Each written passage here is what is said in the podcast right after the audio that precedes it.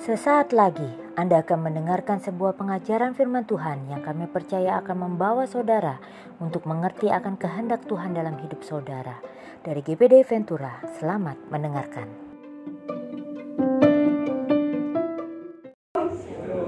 Shalom.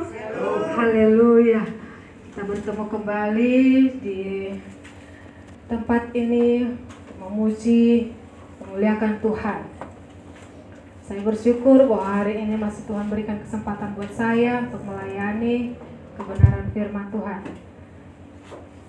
Hari ini kita akan belajar kebenaran firman Tuhan. Saya percaya tidak ada yang sempurna. Belum ada yang sempurna di antara kita, namun hanya Yesus yang sempurna. Mari kita akan belajar. Kita buka Alkitab kita di dalam kitab Matius, Injil Matius. Injil Matius pasal yang ke-18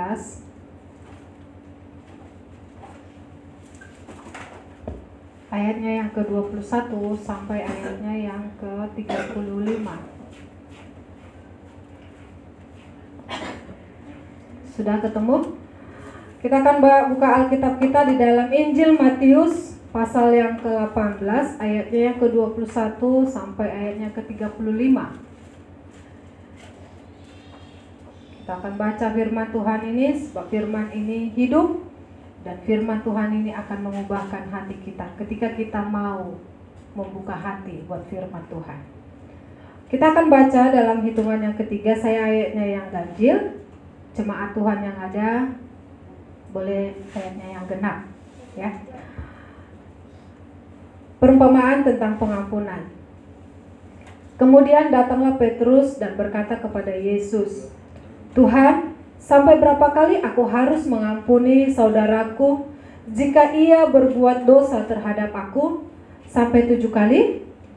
Yesus berkata kepadanya, bukan, aku berkata kepadamu, bukan sampai tujuh kali, melainkan sampai tujuh puluh kali tujuh kali.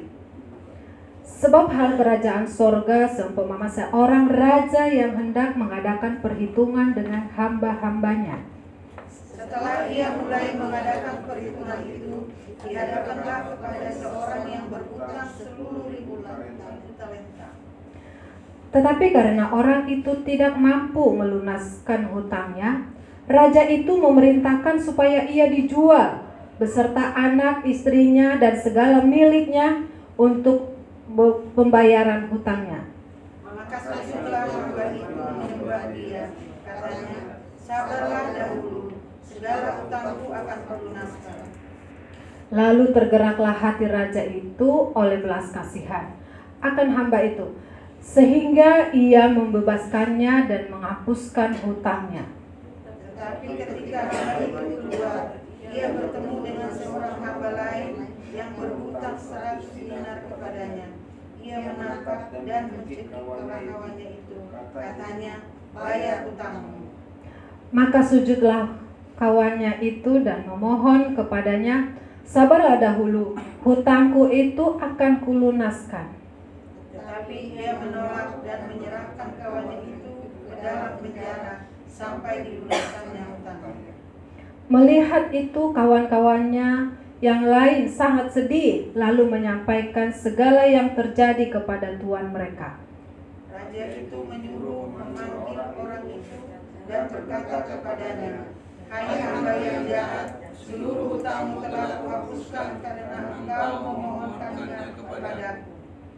Bukankah engkau pun harus mengasihani kawanmu seperti aku telah mengasihani engkau?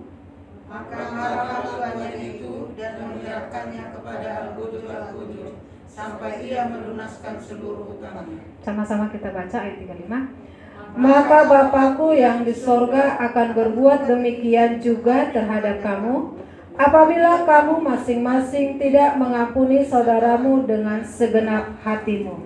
Puji Tuhan, amin. Kita sudah sama-sama Ya puji Tuhan. Uh, saya memberikan satu tema buat kita hari ini adalah tentang kasih. Kemarin siapa yang menerima coklat dari suami atau dari anak atau dari saudara-saudara tetangga-tetangga gitu ya kalau saya kemarin bangun tidur papanya dia buka kulkas padahal saya yang taruh yang taruh silver queen itu di, di freezer dia buka langsung dia ambil es krim sama coklat silver queen ayo mari kita foto supaya seperti kayak orang lain.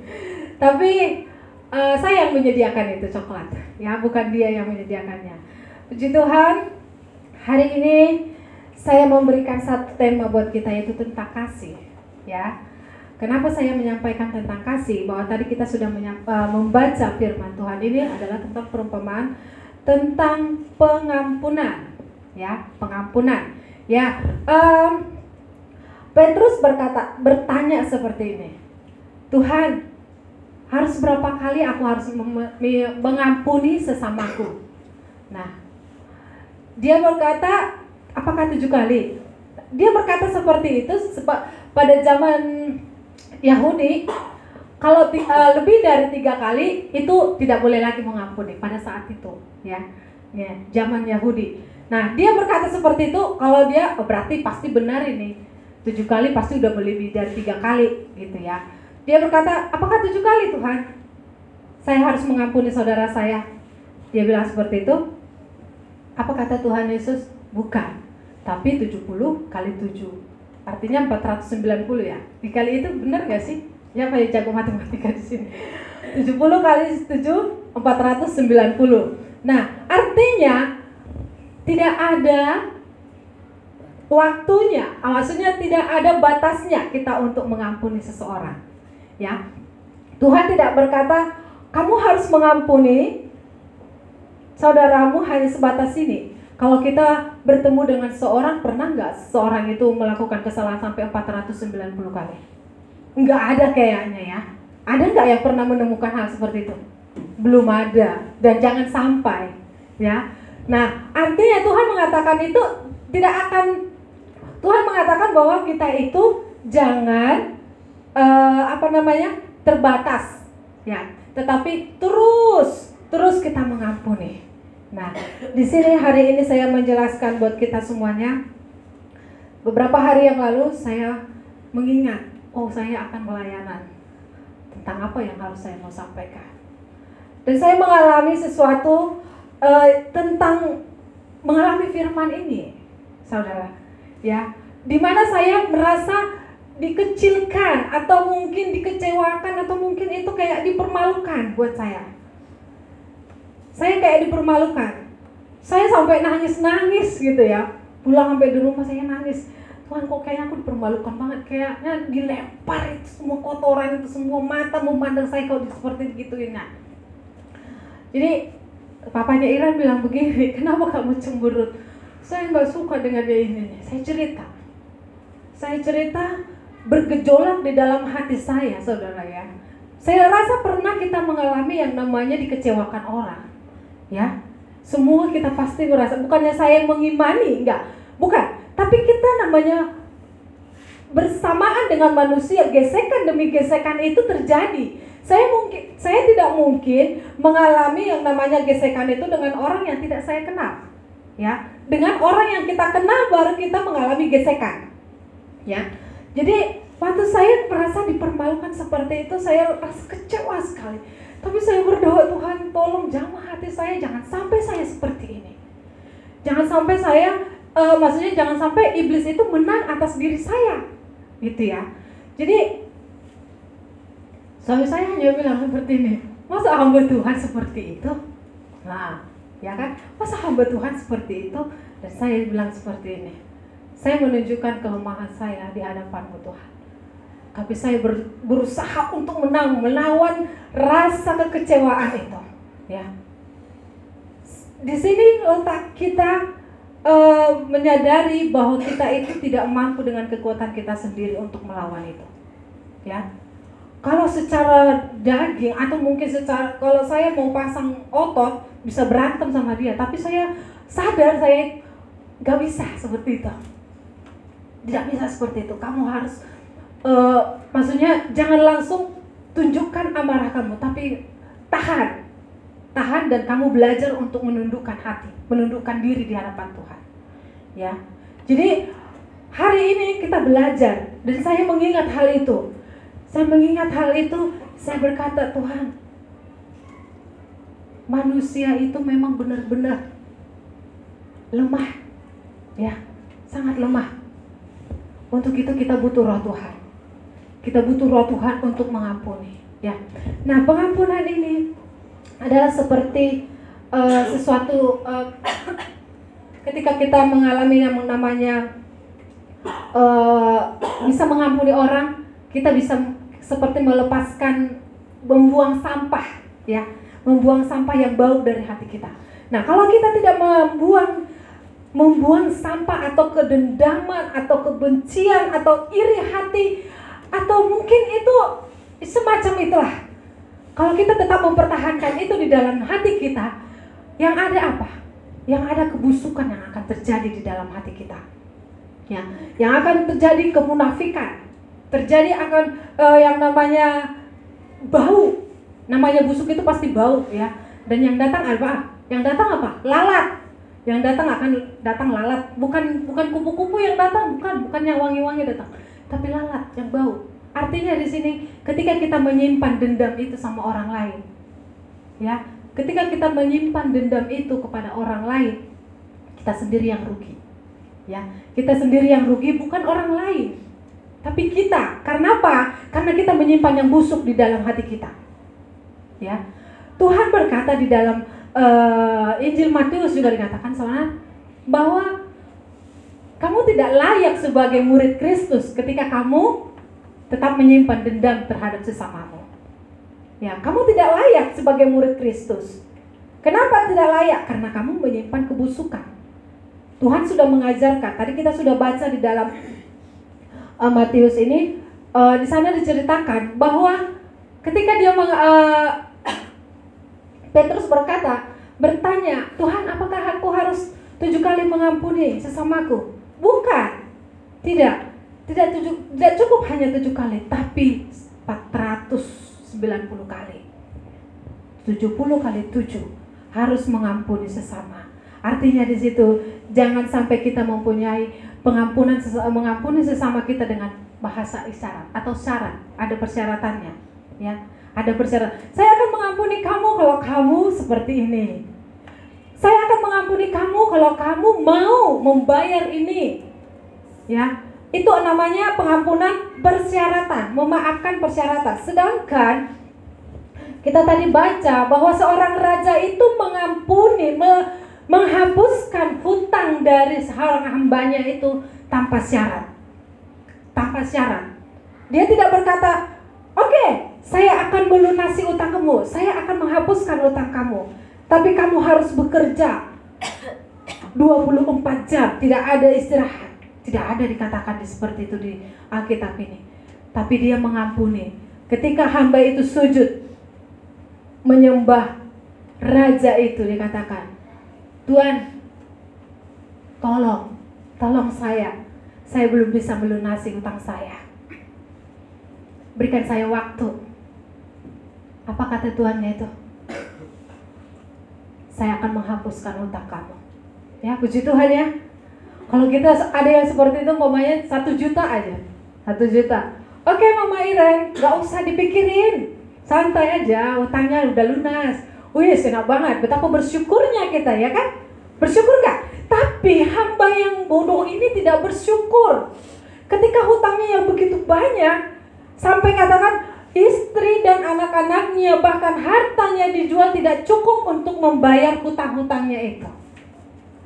Kenapa? Karena banyak hutangnya. Tapi seorang raja itu menghapuskan segala hutangnya, ya, menghapuskan segala hutangnya. Nah, dia tidak bersyukur dengan hal itu. Dia lupa bahwa hutangnya lebih banyak, ya kan? Nah, ketika dia bertemu dengan saudara, dengan kawannya, kawannya kata di Alkitab temannya lah. Ada temannya yang berhutang lebih rendah dari dia. Ya mungkin berapa dinar dia malah mencekik, mencegah gini ya. Dia lupa bahwa dia punya hutang terhadap raja sudah dilunasi. Tapi temannya sendiri yang berhutang sama dia, dia tidak mau menghapuskan hutangnya. Bahkan temannya itu berkata bukan dihapuskan, tapi tunggu dulu, sabar. Saya akan melunasi. Ya. Saya akan melunasi itu. Dia minta belas kasihan dari temannya itu, tapi dia tidak memberi. Sementara ketika dia minta belas kasihan kepada raja itu, dia mendapatkan anugerah yang luar biasa. Utangnya dilunasi. Ya. Nah, terkadang kita seperti itu. Tuhan sudah mengampuni dosa kita. Kita lupa bahwa kita ini hidup kita ini lebih bejat ya kan mungkin lebih parah dari orang lain yang bersalah sama kita ya siapa tahu ya kan kita karena yang tahu diri kita itu adalah diri kita dengan Tuhan ya yang paling tahu gitu ya mungkin kita baik-baik saja tapi hati kita pikiran kita seperti apa? Itu kan sudah najis di hadapan Tuhan kalau tidak kudus di hadapan Tuhan. Ya. Nah perumpamaan ini Tuhan sampaikan kepada Petrus bahkan hari ini buat kita supaya kita menyadari bahwa tidak ada yang lebih baik dari diri kita bukan lebih baik kita daripada teman kita atau mungkin yang lain. Tapi kita belajar untuk memaafkan mengampuni melepaskan seperti sama seperti yang disampaikan oleh Yesus Kristus. Tuhan sudah mengampuni kita. Tadi saya sampaikan uh, bahwa pengampunan tidak tanpa syarat. Ya kan? Tuhan mengampuni kita tanpa syarat. Memaafkan kita tanpa syarat. Ketika dia berdoa, ketika di dalam uh, Matius 6 ayat yang ke-12 dikatakan sana, ampunilah kami akan kesalahan kami seperti kami mengampuni orang yang bersalah kepada kami. Itu Tuhan ajarkan. Doa yang Tuhan ajarkan kepada murid-muridnya demikian kepada kita hari ini. Ya. Tuhan mengajarkan kita kita minta ampun kepada Tuhan, tapi kita harus mengampuni terlebih dahulu sesama kita. Kita harus melepaskan pengampunan kepada orang lain. Nah, kenapa orang sangat susah untuk mengampuni atau melepaskan pengampunan? Ya, itu karena dia terlalu menganggap dirinya paling benar. Inilah yang perlu kita koreksi dari diri kita. Kenapa begitu sulit kita untuk melepaskan pengampunan kepada teman kita, kepada sesama kita, kepada saudara kita? Karena kita merasa diri kita yang paling benar. Oh saya benar, saya salah. Tidak ada yang katakan, oh iya saya salah. Gak pernah ada orang seperti itu ketika dia mengalami namanya pengampunan. Tapi harus berkata, apa yang namanya?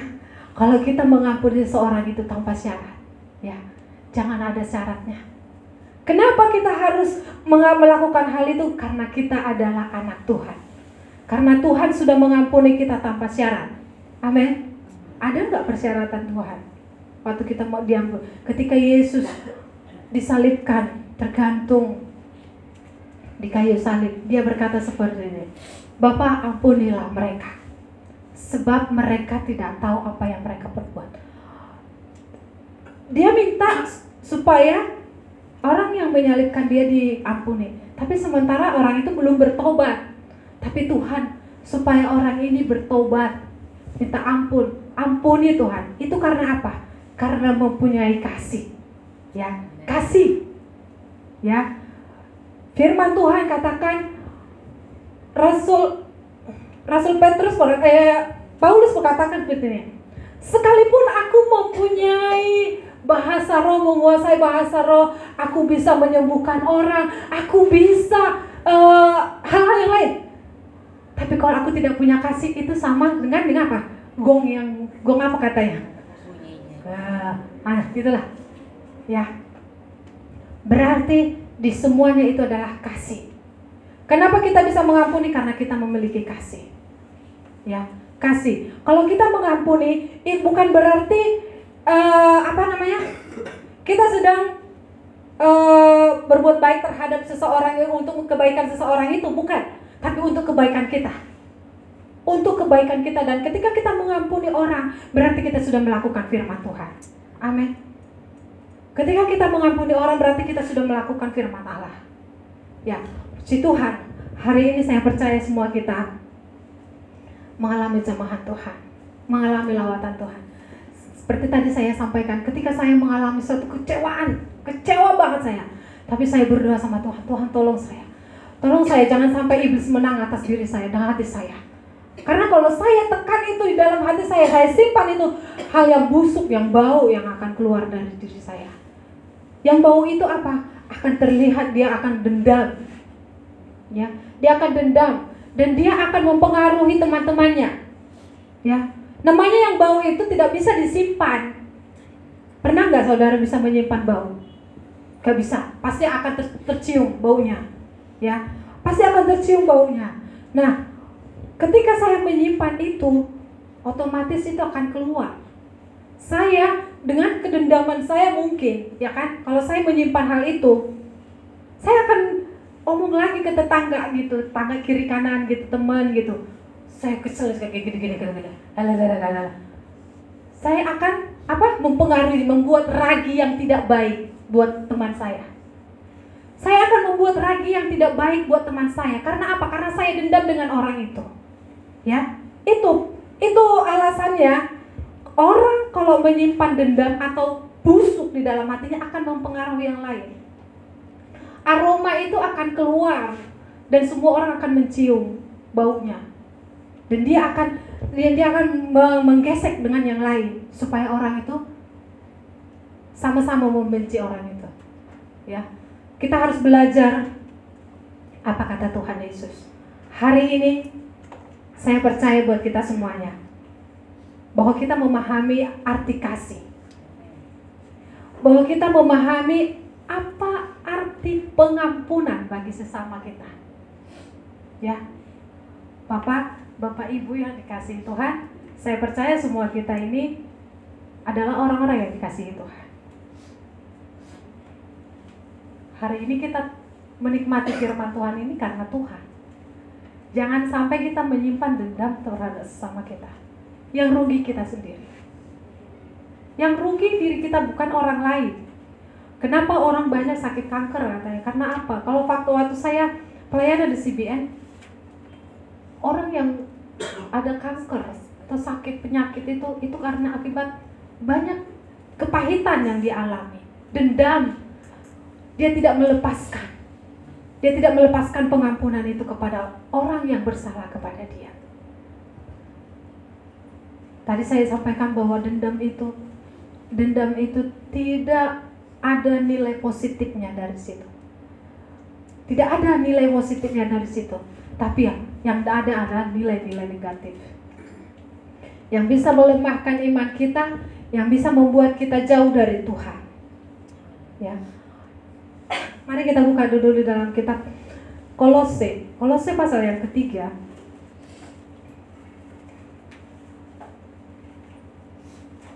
Kolose pasal yang ketiga. Siapa yang sudah ketemu? Kolose pasal yang ketiga ayat yang ke-12. Yang ke-12 sampai ayatnya yang ke-16 saja.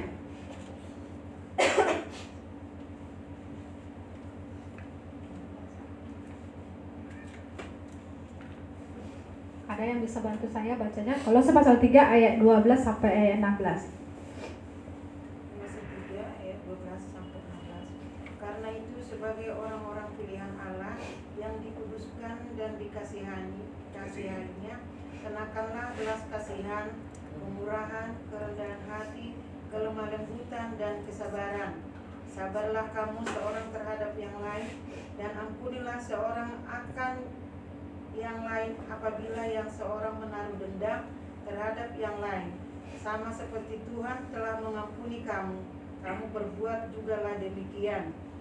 Dan di atas semuanya itu kenakanlah kasih sebagai pengikat yang mempersatukan dan menyempurnakan. Ayat 15, hendaklah damai sejahtera Kristus memerintah dalam hatimu, karena untuk itulah kamu telah dipanggil menjadi satu tubuh dan bersyukurlah.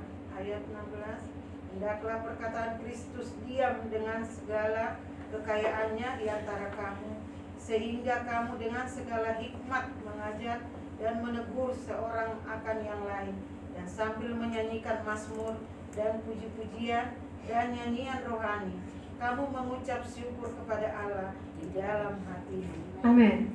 Tuhan, Di dalam ayatnya yang ke-14 dan di atas semuanya itu kenakanlah kasih sebagai pengikat yang mempersatukan dan menyempurnakan. Ya, tadi saya katakan bahwa kasih kasih itulah yang membawa kita hadir saat ini di tempat ini. Amin. Saudara percaya kasih itu yang membawa saudara ada di tempat ini? Haleluya. Ketika tidak ada kasih di dalam diri kita, saya malas ke gereja, saya nggak suka lihat seorang itu. Berarti ada dendam, ada kebencian di dalam dirinya. Itu artinya yang rugi siapa? Orang tersebut. Dia tidak menikmati hadirat Tuhan. Dia tidak menikmati jamahan Tuhan, lawatan Tuhan. Orang yang seperti ini tidak layak sebagai anak Kristus. Tuhan katakan seperti itu, bukan saya yang berkata. Firman Tuhan yang berkata seperti itu. Nah, bahwa kedekatan kita kepada orang kepada kedekatan kita kepada Tuhan itu yang memampukan kita untuk mengampuni orang lain. Amin. Saudara, kalau dengan kekuatan saudara sendiri nggak bakalan bisa kita mengampuni orang lain. Makanya kita disarankan untuk terus membaca firman Tuhan. Untuk terus membaca firman Tuhan karena firman itu hidup Nah, ketika kita dekat dengan Tuhan, kita terus mengalami jamahan Tuhan, lawatan Tuhan. Saya sangat percaya bahwa kita mampu untuk memaafkan orang lain. Saudara masih ingat ketika ada bom yang ada di Surabaya, ketika orang Cina yang anaknya dua meninggal. Saya percaya kalau bukan jamahan Tuhan, dia tidak bisa untuk memaafkan orang yang ngebom itu. Ya, saudara, kita tidak mampu dengan kekuatan kita sendiri kita minta belas kasihan Tuhan, kita mampu. Itu karena Tuhan. Kita berdoa kepada Tuhan. Kita bangun hubungan dengan Tuhan. Membangun hubungan dengan Tuhan itu tidak cukup hanya sekali, tetap berkali-kali, terus-terus. Katanya kalau berdoa, kalau cuman berdoa untuk makan itu bukan bukan bukan memuji Tuhan, bukan membangun hubungan dengan Tuhan, itu hanya laporan.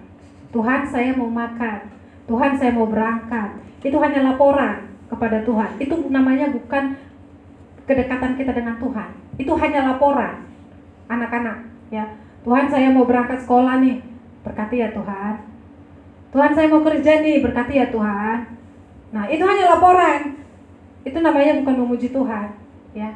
Tapi kita harus belajar membangun hubungan kita dengan Tuhan, memuji Tuhan sehingga kita mampu untuk membentengi diri kita dengan kuasa-kuasa yang tidak berkenan di hadapan Tuhan dalam diri kita. Amin. Banyak yang membenci kita, bahkan ter, e, dosa itu seperti singa yang mengaum ya. Iblis itu seperti singa yang mau. Ketika kita lemah sedikit, kita sebagai mangsanya ya. Kita adalah mangsa yang empuk buat itu. Oh, saya lihat mata dia itu kayaknya aneh. Matanya dia kayaknya ke sini kayaknya aneh. Berarti saya saudara iblis tidak bisa menyentuh hati kita yang menyentuh pikiran kita dan mata kita. Ya saya saya pernah pelajari itu di firman di sekolah kita. Iblis tidak bisa menyentuh hati kita tapi pikiran dan mata kita. Iblis tidak tahu hati kita ya. Yang tahu hanya Tuhan dan kita tapi yang iblis bisa baca, lihat matanya, dia bisa gerak-gerik matanya itu tahu iblis. Kalau hati kita tidak bisa dia tahu. Saya menerima firman ini dari waktu sekolah kita. Iblis tidak bisa melihat hati kita, tapi melihat pikiran dan mata kita. Dari gerak mata kita, dari gerak tubuh kita, iblis tahu. Ya. Jadi jangan sampai hati kita ini tercemar. Terus kita jaga hati kita ini, kita bangun hubungan kita dengan Tuhan supaya kita bisa melepaskan pengampunan kepada orang lain. Amin. Kita buka lagi di dalam kitab. Coba kita buka di dalam Injil Matius lagi, kita balik ke Injil Matius tadi. Bahwa di dalam kitab Kolose tadi ayatnya ketiga katakan di sana eh, Kolose pasal 3 ayat 16 katakan sana, hendaklah perkataan Kristus diam dengan segala kekayaannya. Biarlah perkataan Kristus yang ada di dalam diri kita, bukan perkataan-perkataan orang yang negatif. Ya, mungkin itu ada hal-hal yang menjatuhkan kita. Wih, kamu jelek banget berpakaian seperti itu. Atau mungkin uh, kayaknya rambut kamu kurang deh. Ya mungkin hal-hal yang negatif yang membuat kita lemah itu jangan kita simpan di dalam hati tapi biarlah perkataan Kristus yang diam di dalam hati kita. di dalam pikiran kita. Amin. Kita buka di dalam Injil Matius tadi, Matius pasal yang kelima. Maju mundur kita dikit. Matius pasal yang kelima ayatnya ke-44 dan 45. Mari kita baca. Sama-sama kita baca dengan suara kencang supaya hati pikiran kita mendengar dan itu bergema di dalam hidup kita. Ya. Matius pasal yang kelima ayat 44 dan 45. Sudah ketemu? Saya tunggu kalau belum ketemu. Sudah ketemu? Kita baca dalam hitungan yang ketiga. Dua, tiga. Tetapi aku berkata kepadamu, kasihilah musuhmu dan berdoa bagi mereka yang menganiaya kamu.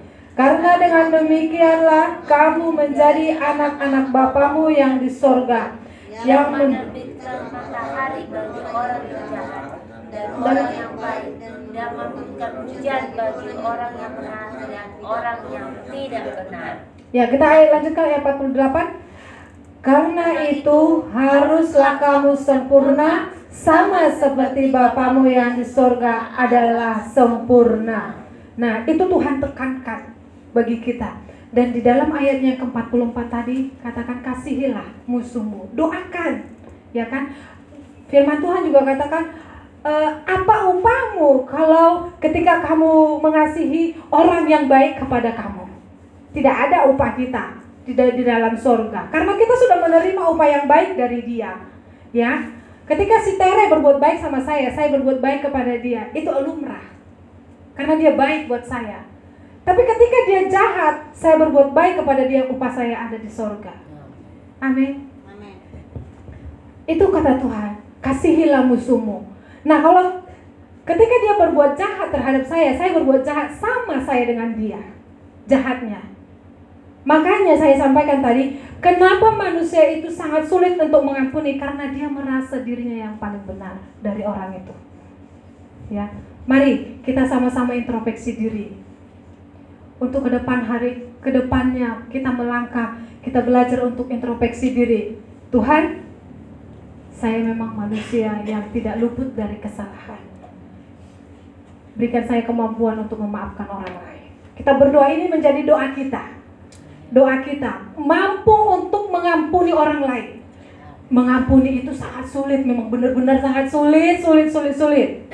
Kalau dengan kekuatan kita, nggak tahu saudara yang di sini. Kalau saya merasakan memang itu sangat sulit kalau melihat dirinya aja,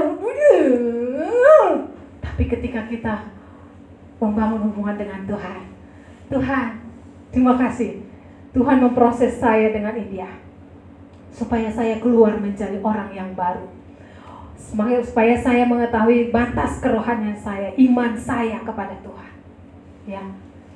Hari ini Tuhan katakan ayat yang 45, karena dengan demikianlah kamu menjadi anak-anak Bapamu yang di sorga.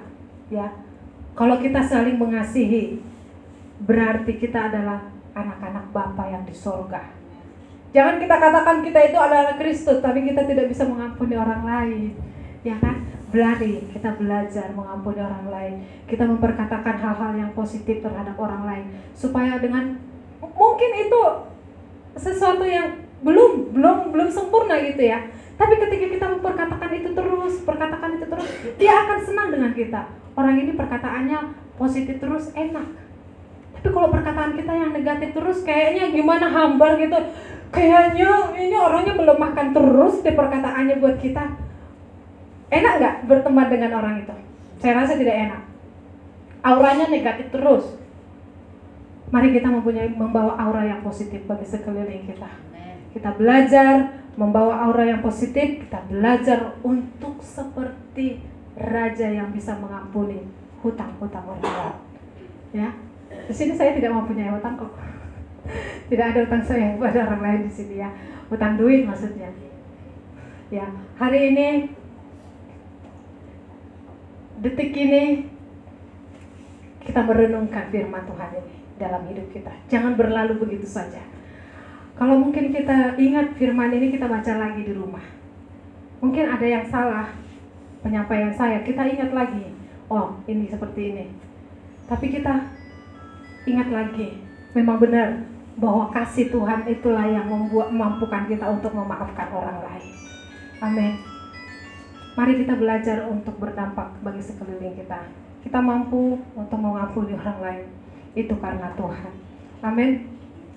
Saya ajak kita untuk bangkit berdiri, puji Tuhan, firman Tuhan.